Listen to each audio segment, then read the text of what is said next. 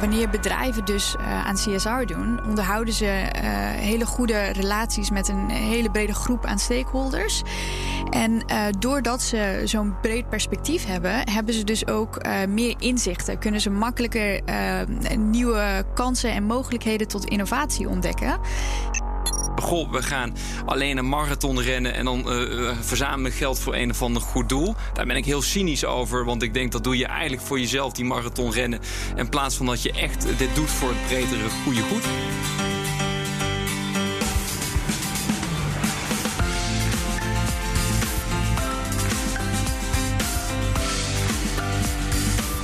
Je luistert naar De Questie, een podcast van de Amsterdam Business School. In deze podcast praten we over de wetenschappelijke inzichten bij en de echte impact van bedrijfskritische ontwikkelingen. Mijn naam is Sander Denneman. Why do businesses exist? To earn profit or to serve a purpose? Well, the conventional view is exclusively to earn profit. And that's not as narrow minded as it sounds, because to earn profit, a company is forced to care about society. Maar we hebben al met een aantal fabrieken laten zien dat een duurzame fabriek eigenlijk goedkoper kan produceren dan een fabriek die een race to the bottom heeft ingezet en eigenlijk helemaal niet kijkt naar duurzaamheid.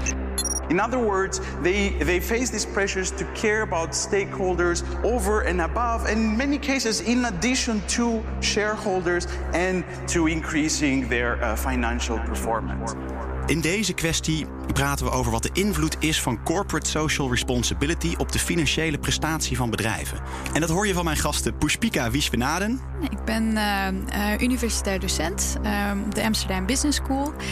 Um, ik werk in de strategie-sectie, strategie en international business. En uh, mijn onderzoek gaat over stakeholder theorie en corporate governance. En uh, met Boudewijn Wijnands. En ik ben oprichter van Deepmop. En voor degene die niet weet wat Deepmop is, wij zijn een sociale onderneming, sociale tech-onderneming, die technologie creëert voor goede doelen, maatschappelijke organisaties, gemeenten en bedrijven om vrijwilligerswerk te stimuleren. En dat doen we nu meer met 1500 organisaties internationaal. In het Verenigd Koninkrijk, Nederland, Duitsland en Amerika, die meer dan uh, anderhalf miljoen uh, vrijwilligers inmiddels vertegenwoordigen corporate social responsibility, maatschappelijk verantwoord ondernemen, duurzaam ondernemen. Zo'n beetje ieder bedrijf houdt zich tegenwoordig bezig met een verantwoorde en bewuste bedrijfsvoering. De grote multinationals hebben er stafafdelingen voor en er is geen MKB-bedrijf dat er niet op zijn minst een commissie of een office manager voor heeft. En dan heb je natuurlijk bedrijven zoals Patagonia en Tony Chocolonely en nou, Dietmop, wiens levenswerk het is om een maatschappelijk probleem op te lossen. Zij doen het er niet bij, zij zijn in de kern een do-good bedrijf. Maar verdient dat nou een beetje CSR? Of is het gewoon window dressing voor de Unilevers en Shells van deze wereld? Hangen die do-good bedrijven niet gewoon van subsidie aan elkaar? En is het eigenlijk erg dat je winst maakt en tegelijkertijd goed doet? Daar gaan we het over hebben in deze kwestie. Um, Pushpika van de Amsterdam Business School en Boudewijn uh, Wijnands van Dietmop. Uh, welkom. Boudewijn, om even bij jou te beginnen. Dietmop heeft van het inzetten van vrijwilligers een verdienmodel gemaakt. Maar in deze tijd uh, met, met corona, um, hoeveel vrijwilligers uh, kan je eigenlijk nog inzetten als iedereen thuis moet blijven? Ja, goede vraag. Uh, het klinkt paradoxaal om inderdaad uh, vrijwilligerswerk te doen en tegelijkertijd thuis te moeten blijven. Um, met een van de initiatieven die hebben opgericht, Corona-helpers, liet het ook zien dat vrijwilligerswerk echt cruciaal is.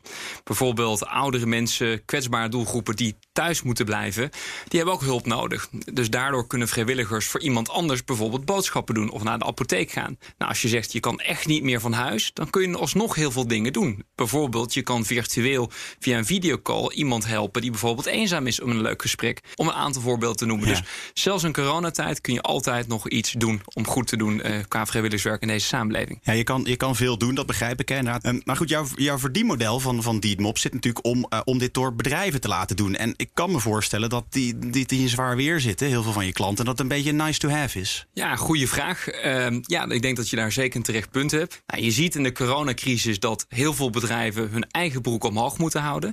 Dus bedrijven zoals KLM, Hunkemuller en H&M... die helaas ja, uh, contracten zijn gestopt... omdat zij zelf bezig zijn om te overleven. Dus inderdaad, ik denk dat een terechte opmerking is... dat, uh, dat bedrijven dan toch gaan kijken... wat is de core van hun bedrijf en daarop gaan richten. Tegelijkertijd zie je ook een ander soort type bedrijf die juist hierop extra gaan pushen, omdat ze zien het belang van een uh, actieve samenleving en dat ze daar juist meer in willen inzetten. Bedrijven zoals TomTom of Red Bull of een Beiersdorf, die juist zien dat het juist nu het moment is voor bedrijven om te laten zien dat zij nu relevant moeten zijn in een coronacrisis en hun steentje aan bijdragen. Oké, dus het, het, ligt, het ligt misschien dan ook een beetje aan, uh, aan de sector die, uh, die in zwaar weer zit, ja of nee. Pushpika, jij doet onderzoek naar wat corporate social responsibility doet voor bedrijven. Um, maar welke scientific social responsibility neem jij eigenlijk mee in je werk als onderzoeker? Ja, dat is natuurlijk een hele leuke vraag. Ja, dus um, als uh, universitair docent heb ik eigenlijk twee dingen die ik doe. En dat is uh, onderzoek en teaching. En uh, in mijn onderzoek, uh, mijn social responsibility als onderzoeker is natuurlijk om zoveel mogelijk, zo gedegen mogelijk onderzoek te doen. En onderzoek dat de maatschappij een beetje ja, vooruit helpt. En niet alleen in financiële zin, maar eigenlijk met name in een meer brede uh, sociale zin.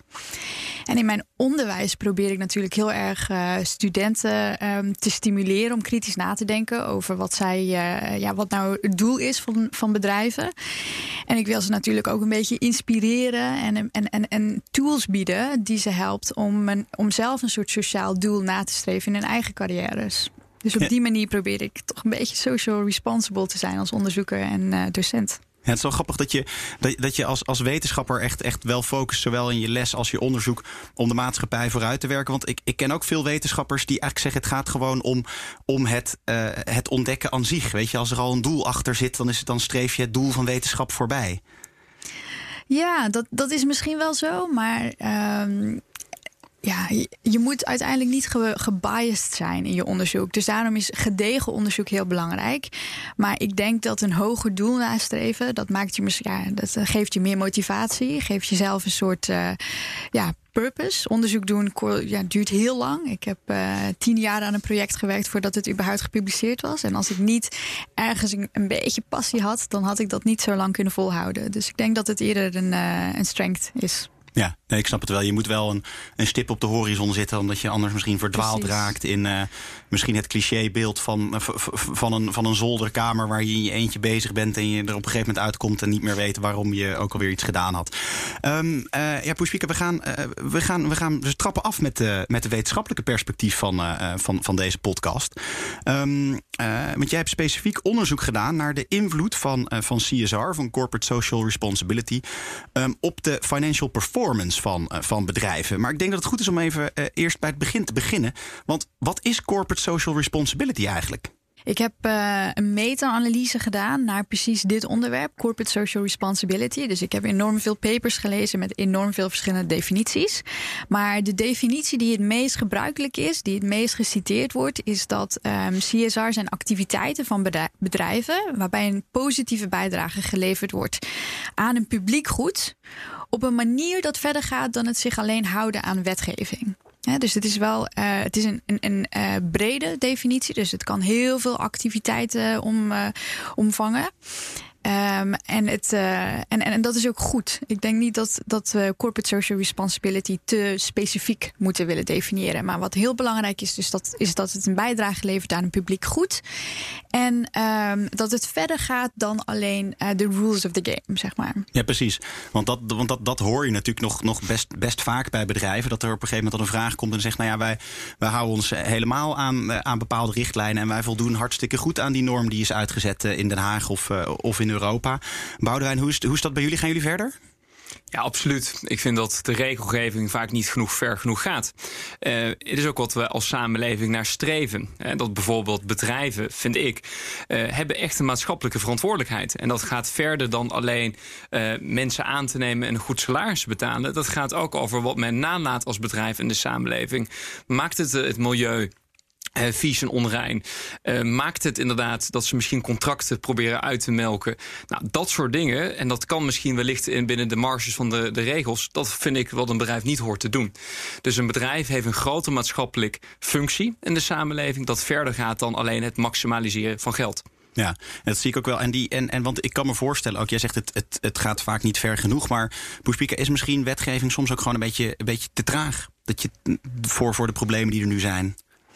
Ja, zeker. Het is te traag, dat is één. En twee, um, heel veel problemen hebben, zijn van globale aard, van uh, globale nature. En daardoor kan je heel moeilijk uh, in de politiek jezelf organiseren om regels neer te zetten. En je bedoelt dat, dus... het, dat, het, dat het een wereldwijd probleem is? Precies, ja. Dus uh, dan, dan, dan zie je dat private actoren, dus bedrijven, zelf het initiatief nemen om zo'n gat te vullen waar ehm, nationale overheden eigenlijk te traag voor zijn. Ja. absoluut. En um, de grote vraag die dan natuurlijk eh, leeft en waar we deze podcast over, over gaan hebben, um, dat CSR, dat, dat, het, dat het belangrijk is. Hè. Ik, ik denk dat daar geen, geen discussie meer over is. We zeiden het al in de inleiding, ieder bedrijf houdt zich er wel, wel mee bezig. Maar de vraag die dan toch bij veel bedrijven zal gaan, uh, gaan spelen, hou er, uh, hou er nou een beetje, beetje geld aan over. Wat doet het nou voor de financiële prestatie van, van bedrijven? Daar heb jij onderzoek gedaan, daar ging jouw meta-onderzoek over, Puspika. En wat was daar nou de belangrijkste uitkomst van? Nou ja, in één zin uh, vinden we, als we alle onderzoeken bij elkaar gooien van de afgelopen uh, ja, 40, 50 jaar, zien we dat er een positieve relatie is. Dus het is zeker mogelijk om uh, sociaal verantwoord te ondernemen en tegelijkertijd winsten te maken. En de tweede stap van het onderzoek was echt om te onderzoeken wat nou precies de mechanismen zijn. Hoe is het dan mogelijk? Maar ja, het is mogelijk. Het is, mogelijk. En, en, en, en onder de streep zeg je ook, de, als ik kijk naar alle onderzoeken die er geweest zijn, is, is de consensus wel dat het ook echt wel, wel bijdraagt aan een betere, uh, betere financial performance. Ja. Uh, Boudewijn, ja, jullie insteek is natuurlijk om, uh, om goed, goed te doen, om vrijwilligers weg te zetten. Maken jullie een beetje winst? Um, we groeien heel hard als start-up. Dus uh, de winstvraag uiteraard bij start-ups is altijd een groot vraagteken. Maar absoluut, we doen het hartstikke goed en we zijn winstgevend inderdaad. Um, omdat onze incentives zijn ook hetzelfde. Hoe meer goed wij doen en hoe meer vrijwilligers, uh, ja, vrijwilligerswerk doen... en hoe meer organisaties bij helpen, hoe meer partners zich willen aansluiten daaraan. En dus onze incentives met het verdienmodel zitten heel op elkaar verbonden. Dus om je vraag te beantwoorden, bij ons absoluut. Omdat we zien dat steeds meer actoren in de samenleving het belang zien om goed te doen naast het traditionele verdienmodel wat een bedrijf bijvoorbeeld heeft, voor hun langetermijnstrategieën. En daardoor sluiten steeds meer bedrijven bij ons aan. Tegelijkertijd, wat je ook ziet waar we het over financial performance hadden, waar Poespieker net ook over, over had, is dat wij ook zien dat steeds meer bedrijven het ook moeten doen om gewoon een beter HR-beleid te kunnen voeren. Om de beste talenten te recruteren, zien ze dat toch steeds meer ook uh, mensen die net afstuderen uh, voor bedrijven willen werken, die iets goeds doen voor de maatschappij.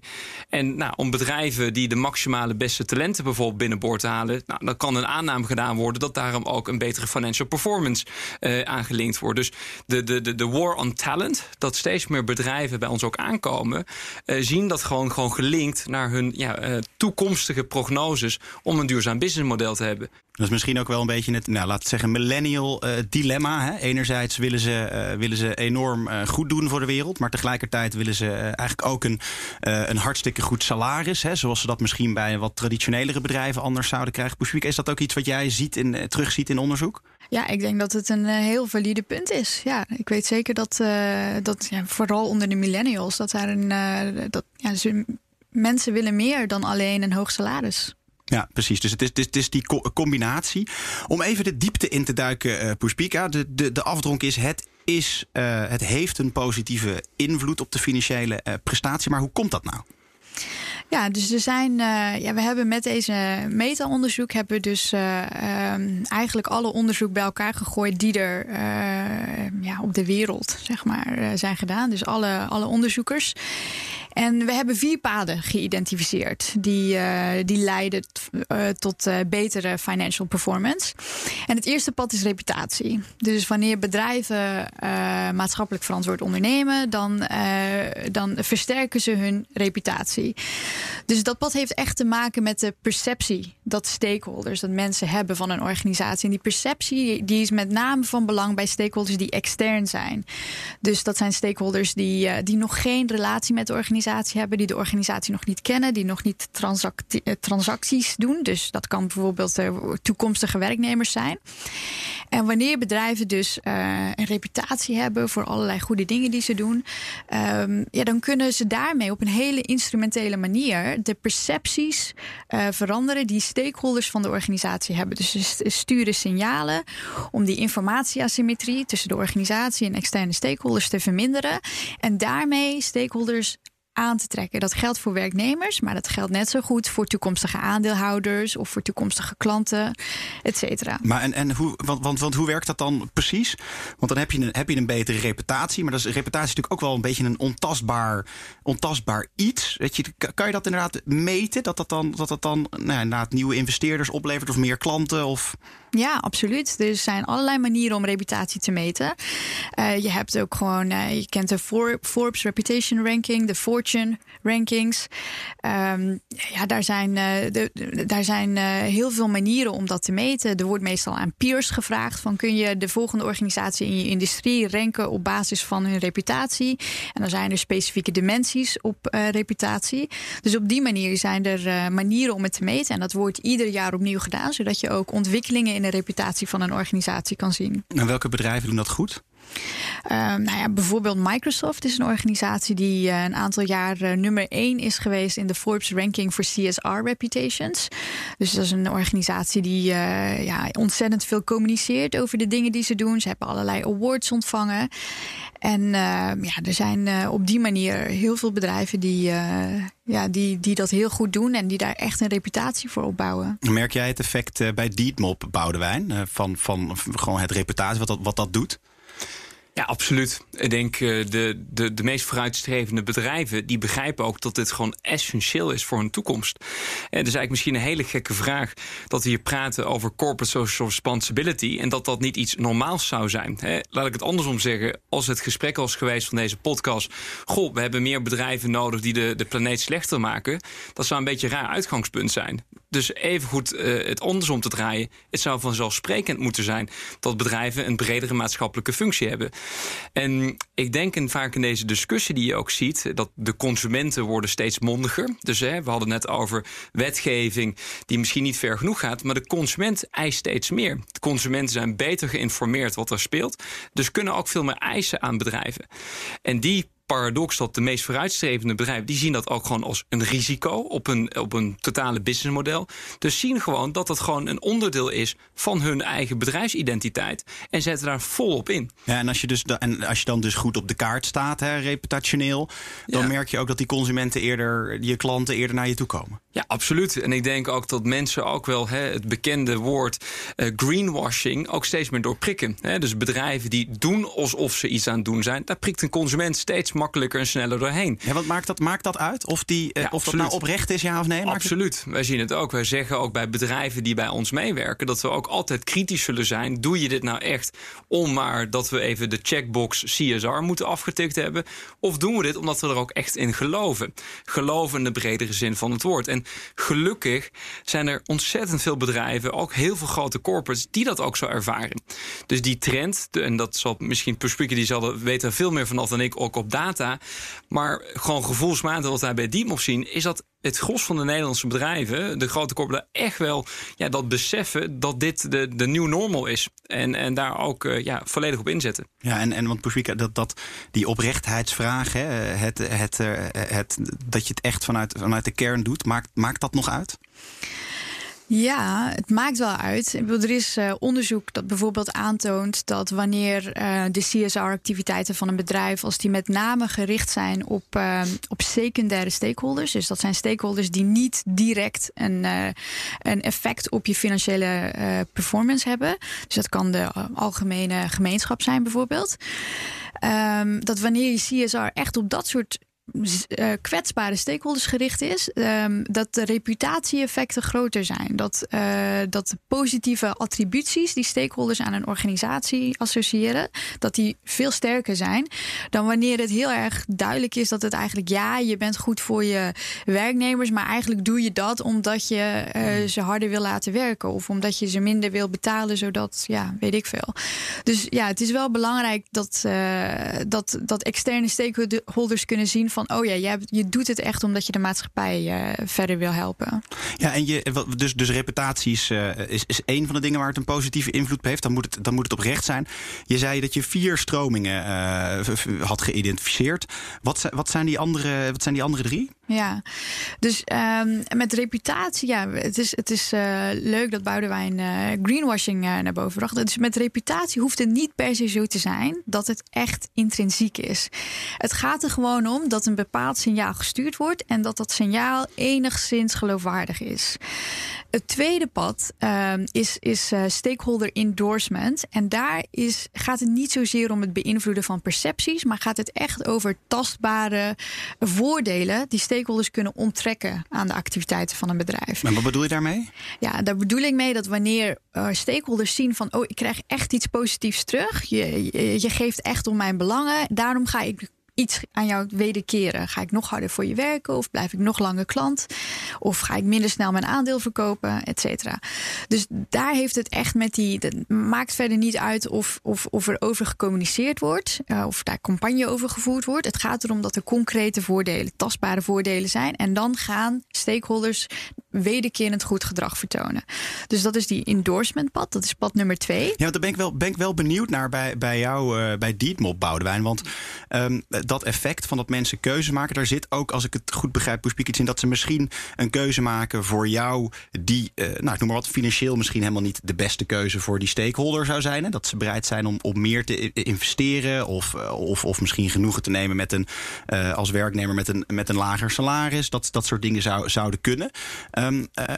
Merk jij dat uh, bij, bij Tietmop, dat dat, dat dat gebeurt? Dat mensen een keuze maken om met jullie samen te werken, gewoon puur vanuit wat jullie doen?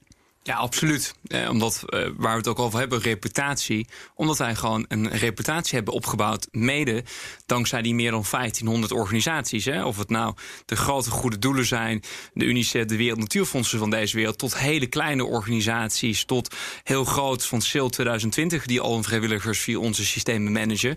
Althans, dat was nog pre-corona, dus dat is natuurlijk allemaal uitgesteld. Maar ehm, dat is wel ook een, dat zij begrijpen dat zij ook een onderdeel hiervan kunnen zijn. Hè? Ik vind ook vaak te makkelijk hoe men praat om ja, corporate bashing, om uh, de, de corpus maar in een slechte hoek te brengen. Zij brengen ontzettend veel goed aan werkgelegenheid, uh, aan goede producten. En heel veel bedrijven willen daar ook aan, aan meedoen, uh, om maar zo te zeggen. Je tweede punt inderdaad, zie je dat bij bedrijven dat zij ja, toch de korte termijn misschien wat moeilijke keuzes maken, hè, die, die misschien duurder zijn. Ik denk het eigenlijk niet dat ze die keuze doen. Ze doen dat ook op een goede manier uit hun eigen belang. Laat ik een voorbeeld nemen. Um, de, de er zijn steeds uh, bedrijven hebben dat eerder wat ik zei, die war on talent om werknemers, goede werknemers te behouden. Nou, heel veel werknemers vragen zich ook af, ook in deze tijd, die bij een bedrijf werken, die zeggen: Nou, wat, wat doe ik nou eigenlijk? Wat laat ik nu na waar ik nu werk? Goh, ik zou eigenlijk best wel een keer een dag per maand mijn talenten ergens anders willen inzetten. Nou, als een bedrijf dat faciliteert en daar eigenlijk aan meedoet via zo'n corporate volunteering platform, wat wij dan uh, leveren en, en dat dan aangesloten is aan dat bredere netwerk als je die mogelijkheid geeft als werkgever, nou, dan zie je gewoon ook op interne HR-cijfers dat men ook eerder blijft plakken. Om dat soort voorzieningen, naast bijvoorbeeld uh, een, uh, een, andere uh, voordelen die bedrijven proberen te geven, ook op deze manier hun werknemers proberen ja, te, daarmee bij te helpen om die purpose in hun dagelijkse werk te blijven vinden. Oké. Okay. Jij merkt dat bij bedrijven die, die met jullie samenwerken. Um, jij wilde volgens mij net door, doorgaan, Pushpika, naar, naar je volgende punt. Wat is dat?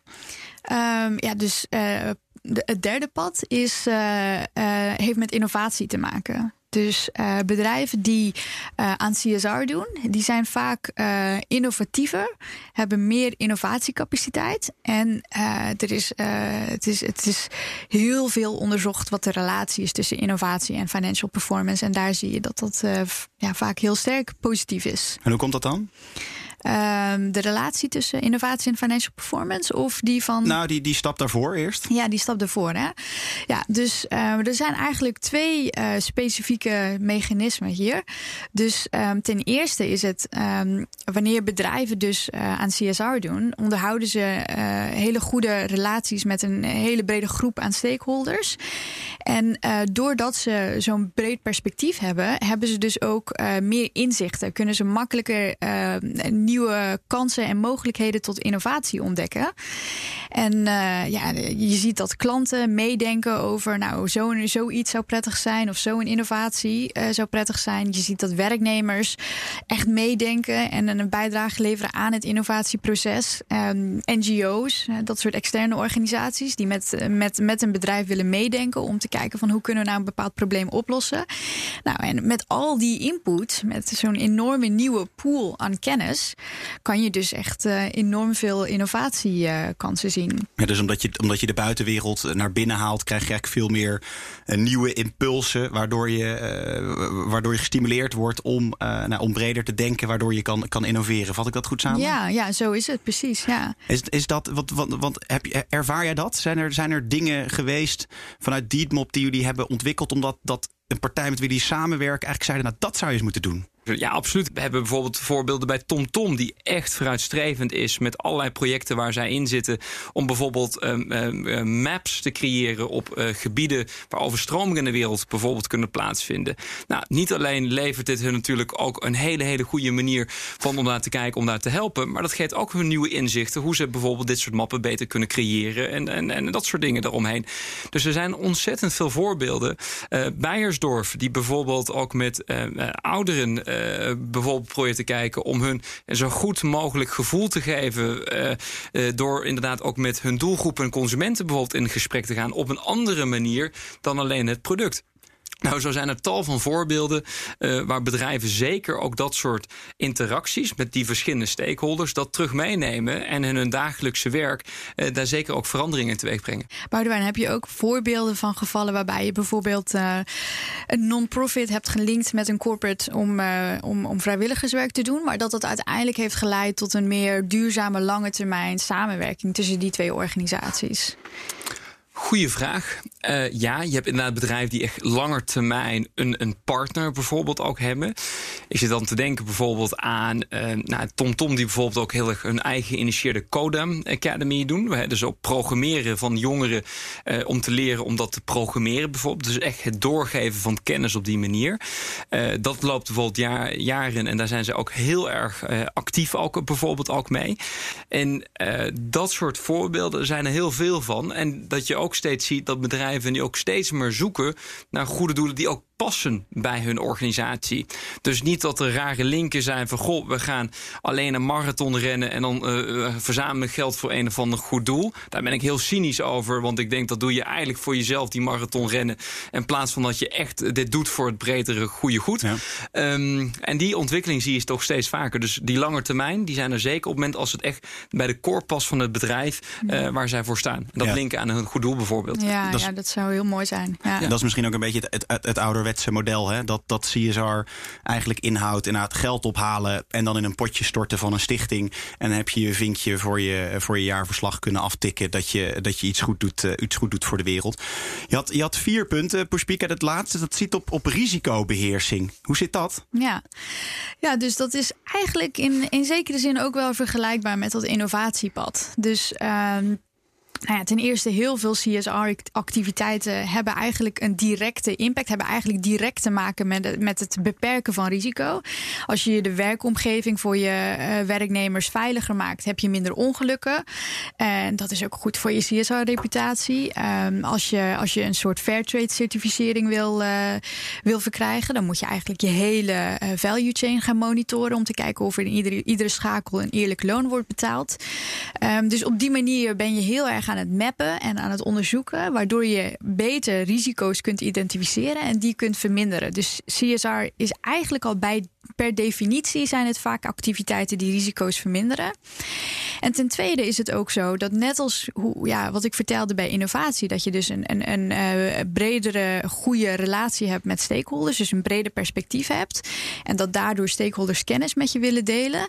Nou, dat geldt ook om uh, met kennis die je helpt om risico's te identificeren. Dus wanneer je uh, een goede, goede band hebt met lokale gemeenschappen of met je werknemers of met klanten, dan zijn ze eerder bereid om te vertellen uh, ja, waar misschien eventueel gevaren zitten. En dan hoef je niet als organisatie te wachten tot een crisis plaatsvindt uh, om zo'n risico naar boven te krijgen. En, en ja, Volkswagen is een uh, perfect voorbeeld daarvan met de Dieselgate-schandaal. Ja, van waar, het misgaat dan. Ja, waar het misgaat. Dan had je dus een organisatie die eigenlijk niet zo goed was voor hun werknemers. Een hele uh, autoritaire cultuur had. werknemers voelden zich niet comfortabel, werden vernederd, et cetera. Ze hadden hele scherpe doelen die ze moesten nastreven met financiële bonussen eraan gelinkt. En ja, ze, ze voelden zich niet veilig, de werknemers, om aan te geven van ja, ik denk niet dat wij in staat zijn om deze auto te leveren die aan de uh, emissieuitstoot uh, eisen voldoet. En ja, niemand durfde het te zeggen. En we weten allemaal wat er toen is gebeurd. Dus ja, wanneer je dus goede banden met stakeholders hebt, kun je ook dit soort. Uh, signalen eerder identificeren. Ja, ik denk dat het uitstekend voor, als ik aan mag toevoegen, uitstekend voorbeeld is, ook wat wij bij ons in de praktijk zien, is dat er een, een groot bedrijf actief in de haven in Rotterdam gewoon ook nu ook ziet en inziet als men bijvoorbeeld weet wat er in de gemeenschap lokaal gebeurt. En stel er gebeurt iets super onwenselijk als een explosie in een logistiek uh, deel van, van een warehouse of dat soort dingen. Als je op het moment al dit gesprek al hebt lopen met actieve uh, uh, ja, maatschappelijke organisaties en gewoon buurtbewoners eromheen. Ja, uh, zoals Pospika ook net zegt, ja, dan ben je al je risico aan het verminderen dat je in ieder geval dat contact er ook hebt liggen. En dat men hoopt natuurlijk niet dat dat gaat gebeuren. Maar ik weet zeker dat als dat gebeurt, dat dan de gemeenschap veel meer open staat om dit ook op te lossen met elkaar. En uh, daar dus, ik denk dat dat een zwaar onderbelicht punt is, uh, het risico indekken, noem ik het maar, of het risico overzien. En dat dat denk ik een heel groot kernpunt is voor corporate social responsibility, maar ook qua uh, investeringen, alles erbij. Dus ik ben ik helemaal mee eens. Ja, en daar zit, daar zit denk ik ook natuurlijk een grote, uh, grote misschien directe winst voor bedrijven. Waardoor het, het, uh, het misschien zelfs ook minder voor ze voelt als een, uh, als een moedje, maar opeens echt, echt een onderdeel van hun bedrijfsvoering wordt. Um, Boudewijn, jij hebt met, met Dietmop een bedrijf op poten gezet dat ja, eigenlijk vrijwilligers wegzet. En daar verdien jij, daar verdien jij je brood mee met, bij Dietmop. Hoe, hoe kan dat eigenlijk? Want vrijwilligerswerk is per definitie onbetaald. Ja, nee, ja, zeker. Dat, we zijn dus een tech-bedrijf, een social tech-bedrijf, waar we eigenlijk de software hebben gebouwd. Een platform die inderdaad niet alleen vrijwilligers aan elkaar linkt. En of die vrijwilligers nou vanuit een bedrijf komen, corporate volunteers of studenten bijvoorbeeld van de Universiteit van Amsterdam. Of bij maatschappelijke organisaties actief zijn. Of gewoon een individu die denkt: Goh, ik word wakker, ik wil iets gaan doen bij mij in de buurt. Om dat in ieder geval zoekbaar en vindbaar op een makkelijke te maken. Ook op basis van je profiel. Tegelijkertijd zit er ook een tweede component aan onze technologie. Die het ook effectiever maakt om vrijwilligers te managen. En dat beter in te zetten, bijvoorbeeld op competenties. We zijn bijvoorbeeld actief in Amerika. Waar we zien nu een corona, waar hele grote gemeenschappen, waar ontzettend veel armoede is. Waar tegelijkertijd een gigantisch wantrouwen is tegen de nationale overheid. En men heeft wapens. Nou, echt een, een, een hele gevaarlijke cocktail aan dingen. Ja. Maar als je daar technologie kan inzetten, daar waar burgers onderling problemen kunnen oplossen dat zouden wij dan weer vrijwilligerswerk noemen. Daar is heel veel inderdaad uh, ja, uh, aan, aan bij te dragen. Ja. En dan op het verdienmodel daar, nou, dat we ook hebben gezegd, we willen de wereld beter maken. We zien dat technologie absoluut niet goed werd gebruikt, vaak in de sociale sector. Twee redenen, omdat daar vaak niet de competenties liggen om technologie te gebruiken. En als men dat dan wel wil, met alle beste bedoelingen van dien, hebben ze vaak niet die budgetten daarvoor. Toen hebben wij gezegd, oké, okay, laten wij die technologie gratis bouwen en eigenlijk ook inzetten en verbeteren. En en dat eigenlijk te verkopen aan partijen die dat wel kunnen. Bijvoorbeeld de corporates, maar ook steeds meer gemeenten en welzijnsorganisaties. Die een taak hebben om bijvoorbeeld mantelzorg te regelen in de gemeente of een gemeente aan zich. Dat we zeggen: Goh, laat ons nou die technologie doen. Wij zijn erop gespecialiseerd. Wij verbinden ook al die platformen aan elkaar. Dus om een voorbeeld te geven: het Rode Kruis zet een vacature bij de Vrijwilligerscentrale in Utrecht. Maar die kan dan ook staan op Dietmop als op heel veel andere plekken. Waardoor de kans dat zo'n vacature gevuld wordt door de juiste persoon steeds groter wordt. Nou, zo doen wij dat in ieder geval op die manier. Dus echt aan de technologie ja, dus dat we het verkopen. Dus jullie bouwen technisch, technisch de infrastructuur om dat vrijwilligerswerk te stroomlijnen. Um, en de, de corporates die daarop inhaken, die betalen een fee per Maandelijkse fee inderdaad, om aangesloten te zijn aan dat netwerk. Dus, en, maar dan verdien je dus niks nee, aan mij. Dus nee, absoluut niet. Nee, dus, dus je, je verdienmodel als, zit alleen in dat groepje van corporates, corporates. en gemeenten. Ja, want jij, want jij uh, Boudewijn, jij vindt ook echt dat, dat om maatschappelijke problemen op te lossen... Uh, bedrijven de bal moeten oppakken. Hè? Dat, die, dat, dat het bedrijf bedrijven moeten zijn met een uh, die een winstoogmerk hebben. Dat dat veel effectiever is. Waarom vind jij dat? Ja, nou, om het nog helder te zeggen, ik zou zeggen, vooral sociale ondernemingen. Eh, dat ik denk op een manier, als je gaat kijken, en dat geldt niet voor alle vraagstukken natuurlijk, maar heel veel vraagstukken, dat je op een duurzame langetermijnmodel, dat je op een eigen manier ja, duurzaam bent. Dat je het model wat je hebt uitgevonden ook kan blijven doen. En ik heb ook al eens gezegd bij een, bij een andere bijeenkomst waar ik uh, gesproken heb van Elk bedrijf zou een sociale onderneming eigenlijk moeten zijn. Elk bedrijf, of het nou een Unilever is, of het nou een Shell, of het nou een Philips is, elk bedrijf zou een sociale onderneming moeten zijn. Nou, met dat oogpunt dat Philips ontzettend veel doet, bijvoorbeeld om uh, medische voorzieningen in ontwikkelingslanden te, uh, te geven. Ook maar ook technologie te ontwikkelen die dan goedkoper is in, in, in, in, in ontwikkelingslanden. Daar zit absoluut een verdienmodel onder andere. Maar er zit ook een heel groot goeddoen component ook aan. En, en want, want Boudewijn zegt dus ja, er, er moet gewoon een verdienmodel aan zitten om dat soort problemen op te lossen. Wat vind jij daarvan? Ja, ik, ik, zou het niet zo, uh, zo stevig zeggen. Nee, ja, ik, um, er zijn heel veel verschillende soorten organisatievormen. Hè? Dus een, een BV, een for-profit organisatie, is er één van. Dan heb je eigenaren. En eigenaren kunnen dus uh, hebben een claim op de winsten die gemaakt worden.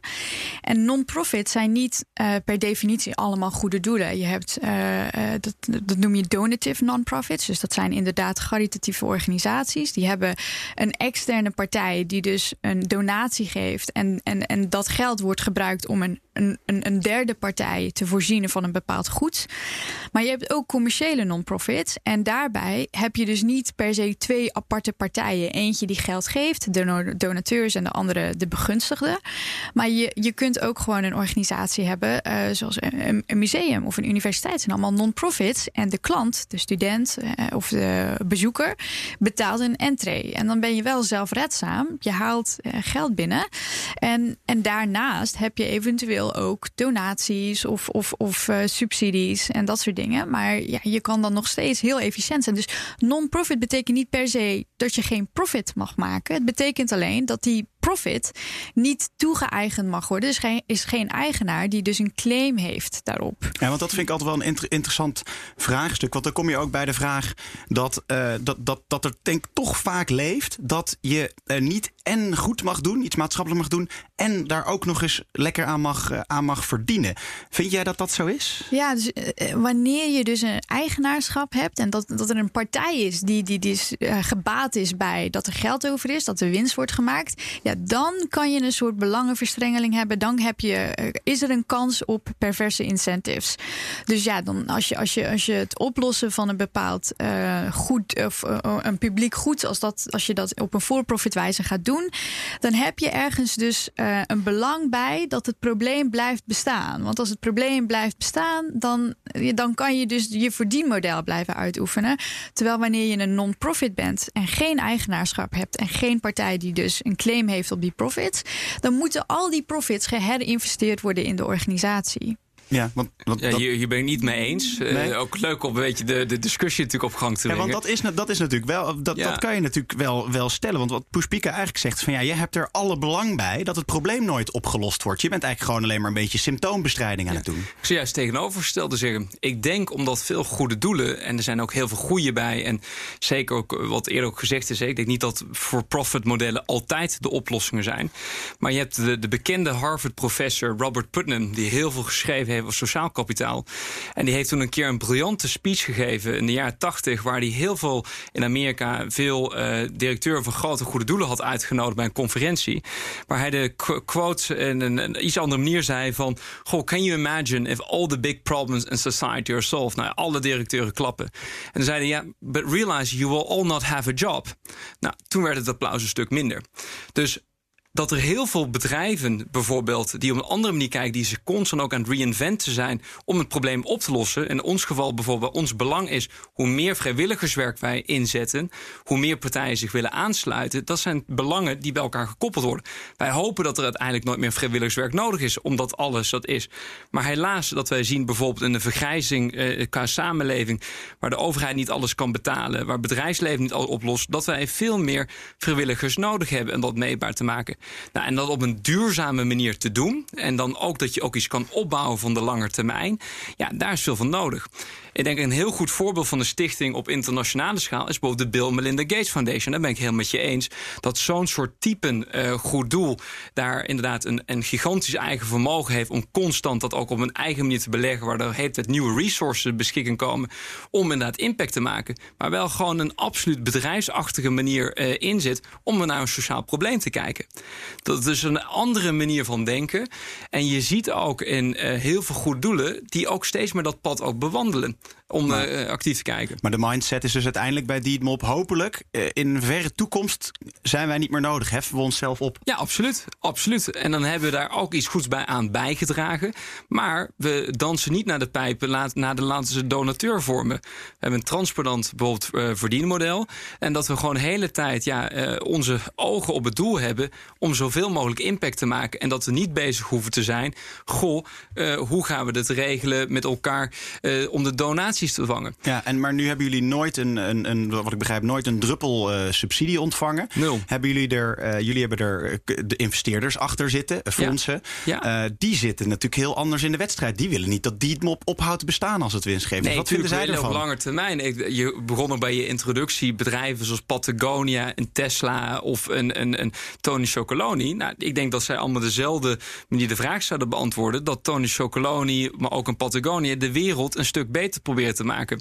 Uh, Patagonia, die hun kleding verkoopt, is gewoon een for-profit. Tegelijkertijd hebben ze een breder sociale missie. En zij hopen dat minder consumenten bij bedrijven, kledingbedrijven, uh, producten kopen die minder goed voor de planeet zijn. Nou, in ons geval, wij zien bijvoorbeeld bij gemeenten dat er vaak idiote hoog IT-bedragen worden ge uh, gevraagd door allemaal commerciële partijen.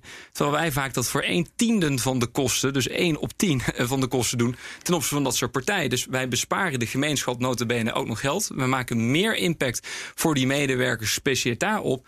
Nou, dat durf ik echt elke avond te verdedigen waarom dat een goed, transparant iets is. En waar we gewoon op een data manier kunnen laten zien dat bijvoorbeeld ja. meer dan 75.000 jongeren de afgelopen tijd die nog nooit vrijwilligerswerk hebben gedaan, iets goeds hebben gedaan. Blijft nog steeds de vraag, wat vinden je investeerders daarvan? Ja, natuurlijk hopen die dat succes. Dat hopen wij zelf ook. Hè? Omdat betekent dat wij gewoon inderdaad een, een, een, een duurzame impact blijven maken in de samenleving. Het zou natuurlijk een illusie zijn dat opeens nooit meer vrijwilligers nodig eh, hebben en dat die gecoördineerd eh, moeten worden. Ik hoop het wel dat betekent dat alle sociale problemen zijn opgelost uh, daarin. Maar of, en op een andere manier te kijken, dat alles betaald werk is geworden. Nou, de, hè, dat de, de, voetbalvereniging coach opeens uh, betaald wordt in een klein dorp. Nou, dat lijkt mij niet een wenselijke situatie. Nee, kijk, nee, ja, ja, nou, ik, ik, in, in his defense eigenlijk, ja. in Boudewijn's ja, ja. ja, het type organisatie dat Dietmop is, is denk ik minder gevoelig voor het probleem dat ik net beschrijf. Omdat het, ja, jullie, jullie doen iets ja, iets algemeens. En dat is eigenlijk het, het, uh, het connecten van vrijwilligerswerk en, en, en, uh, en uh, ja, opdrachten, taken. En dat, dat, dat kan in allerlei sectoren voor allerlei publieke goedsproblemen ingezet worden. En ja, naarmate één probleem opgelost is, komt een ander te, probleem tevoorschijn. Dus ik denk dat jullie best wel lang hele waardevolle bijdrage kunnen leveren. Ik denk dat het probleem dat ik net beschrijf, beschreef, met name relevant is op, voor organisaties die zich specifiek richten op een specifiek onderwerp. Hè. Dus denk bijvoorbeeld aan uh, uh, Ocean Cleanup, die heel erg gefocust is op het uh, opruimen van plastic in de oceaan. Maar ook in, in Silicon Valley zijn ze nu helemaal gek op allerlei carbon capture technologieën. Van ja, we gaan techniek gebruiken om maatschappelijke problemen op te lossen. En bij al die ja, voorbeelden kun je je afvragen is, is dat de juiste oplossing? Dus vast een verdienmodel uh, bij te bedenken voor allerlei hmm. carbon capture technologieën, maar ook voor het schoonmaken van de oceaan. Maar wellicht is het misschien beter als de overheid. Uh, hele strenge wetgeving uh, introduceert. Waarbij we gewoon uh, het gebruik van plastic afschaffen. Maar goed, die wetgeving hadden we net geconstateerd dat die te traag is. Ja, ik, Ja, mijn punt is dat we het gewoon allebei nodig hebben. Hè. Dus je hebt je hebt private actoren nodig, je hebt bedrijven nodig, je hebt entrepreneurs nodig die uh, met oplossingen komen. Maar je hebt ook absoluut overheden en wetgeving nodig.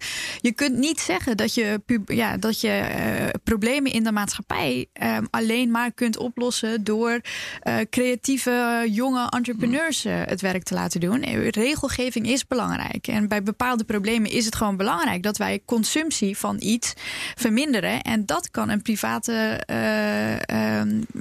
Actoren kunnen dat niet doen. Daar ben ik helemaal mee eens. Ik denk ook bijvoorbeeld, waar je terecht ook bijvoorbeeld aangeeft op klimaat. Eh, als je bijvoorbeeld een carbon tax zou introduceren, nou, dan ben je denk ik al een heel eind om bijvoorbeeld eh, echt het eh, probleem als het ware op te lossen. Dat ben ik helemaal met je eens. Ik denk ook, eh, je zou kunnen zien als een armoede dat dit soort initiatieven moeten bestaan. Hè, om, om die problemen op te lossen die misschien een overheid uh, zou moeten oppakken.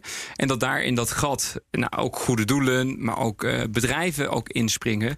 Tegelijkertijd kun je ook zeggen, het is een vorm van innovatie om op een snellere manier zo'n probleem daadwerkelijk op te lossen. Ja, of in ieder geval de, de, de, de, de slechte resultanten die je nu ziet, om die alvast aan te pakken. Waar de overheid misschien in de tussentijd gewoon echt, echt een structurele oplossing voor het probleem moet gaan, uh, gaan verzinnen.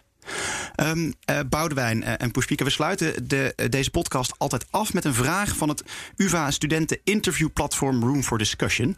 En de vraag van deze week komt van Abel. En hij vraagt: zijn er maatschappelijke problemen waar je nooit een winstmodel aan zou moeten hangen? Um, ik vraag het eerst aan jou. Ja, ik hoopte dat je eerst Boudewijn Oké, dan, vraag ik het eerst aan, dan vraag ik het eerst aan Boudewijn. Ja, absoluut. Om, om een hele andere professor te quoteren... omdat toch natuurlijk een universiteit van Amsterdam ook... dat is geïnitieerd natuurlijk uh, Civis van Michael Sandel... Hè, die het boek schreef What Money Can't Buy. Nou, er zijn denk ik heel veel sectoren, bijvoorbeeld denk aan orgaandonatie... waar ik inderdaad absoluut geloof dat je daar nooit een verdienmodel aan zou mogen maken. dus ik denk, het komt altijd neer waar hele kwetsbare doelgroepen zijn dat je daar inderdaad moet gaan nadenken of je eh, bepaalde markten laat faciliteren. Dus in mijn ogen absoluut niet. Maar dat zou, dat, dat zou je voor, de, voor de, de zorg, zou je dat dan misschien wel in zijn algemeenheid uh, kun, kunnen zeggen? Dit is natuurlijk heel specifiek, maar. Noem eens een voorbeeld, of waar zit je aan te denken? Nou, ik, ik kan me voor. De, de, de, de farmaceutische industrie, die, mm. die heel, nou, precies dit, heel erg kwetsbare mensen helpt. Dus dat is de meest commerciële industrie ter ja, wereld. Precies, ja. ja. Ja, en ik bedoel, denk maar aan uh, Purdue Pharma en de hele opioid crisis en wat daar is gebeurd. En ja, als ik je een theoretisch antwoord moet geven op, de, op deze vraag van wat moeten uh, for-profit organisaties absoluut niet doen. Uh, je, je hebt uh, bedrijven werken in een markt en een markt, je hebt een market failure wanneer um, er enorm veel informatie asymmetrie is tussen um, ja, uh, tussen, tussen de, degene die dus uh, een service ontvangt en degene die ervoor betaalt. En vaak is dat dezelfde persoon. En bij de zorg is dat het geval.